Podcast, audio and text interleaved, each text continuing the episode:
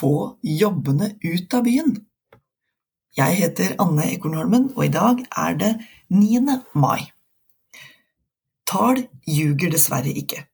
Folk flytter fortsatt til byen. Hvor blei det av fjernjobbene, og hvor blir det av distriktsmeldinga? Sentraliseringa har ikke stoppa opp etter halvannet år med ei sjølerklært distriktsvennlig regjering ved roret. Det er fortsatt en utfordring at få av de som vokser opp i de minste kommunene, reiser tilbake etter at de har tatt utdanning. De blir i byen. Av mange grunner, helt sikkert, men ikke minst fordi de får seg jobb, partner, unger og boliglån. De ser antagelig ikke poenget i å bytte ut et urbant kulturtilbud og tilgjengelig kollektivtrafikk med pendling for å komme seg til en relevant arbeidsplass.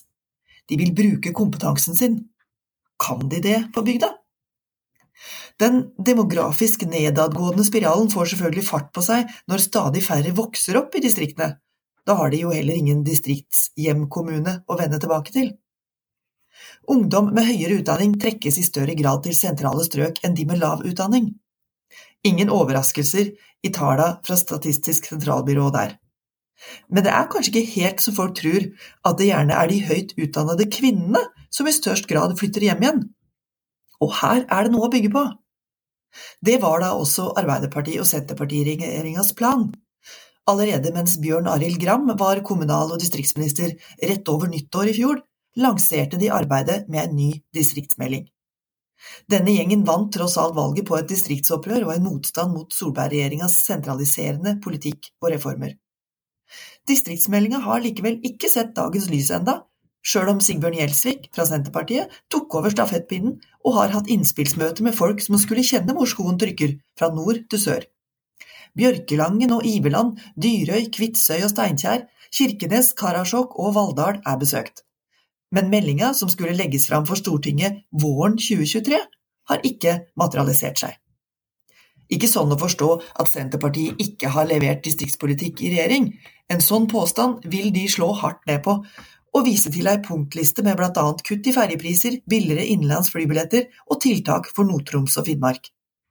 Allikevel, som nrk.no påpeker, har de ikke oversikt over hvordan det går med planen for å få hjelp folk til å jobbe desentralt, fra hvor som helst. Det er mangt å si om koronapandemien, men den var en kraftig katalysator for digital deltakelse, hjemmekontor, distriktsoppkobling og såkalt fjernarbeid. Det ga en dytt i ryggen for regjeringa til å reelt flytte statlige arbeidsplasser ut i distriktene i små drypp, i stedet for store, kontroversielle grep. Virksomheter som Medietilsynet, Konkurransetilsynet og Kystverket, blant flere andre, er tidligere flytta ut av hovedstaden akkompagnert av til dels hissige protester fra de ansatte, som er lett å forstå, men allikevel med distriktspolitiske effekter. Som at folk med høy utdanning faktisk finner én ekstra god grunn til å flytte hjem, eller velger bygda for første gang. Og når stormen har lagt seg, kan det faktisk være vinn-vinn, som i tilfellet Norec, det tidligere fredskorpset. Det blei flytta til Førde og er nå blitt undersøkt av Menon Economics. De konkluderer med at brukerne av Norec er fornøyd, at dialogen med eieren, Utenriksdepartementet, faktisk er blitt bedre, og at det ikke er et problem å rekruttere kompetent arbeidskraft. Se det, kompetente folk og attraktive arbeidsplasser finner hverandre uansett geografi. Men lar man folka med kompetansen flytte og bo hvor de vil, ta med seg sin stedsuavhengige stilling og la kontoret bli der det er, så unngår man i større grad de brennbare lokaliseringsdebattene. Staten har bedt alle underliggende etater om å redegjøre for hvilke muligheter de har for fjernarbeid, og å forklare hvorfor tallet eventuelt ikke går opp. Allikevel har ikke regjeringa oversikt over hvor mange stillinger det kan dreie seg om. Det innrømmer statsråd Gjelsvik i et skriftlig svar til Venstres Alfred Bjørlo i Stortinget. Til NRK sier kommunal- og distriktsministeren at han ikke veit hvor mange stedsuavhengige stillinger i staten som er blitt utlyst. Da er det vanskelig å drive politikk. Regjeringa er fullstendig bakpå, sier Bjørlo til NRK. Særlig fordi tilgang på relevant arbeid er ekstremt viktig for valg av bosted. Telling og måling og byråkratisk rapportering er jo ikke nødvendigvis saliggjørende. Men ønsker man å skape varig endring, må det jobbes systematisk.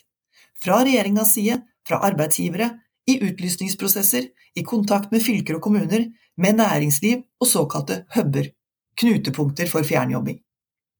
For å nå noen mål må man ha mål. Venstre har foreslått at minst en tredel av stillingene i staten bør være stedsuavhengige innen utgangen av 2025.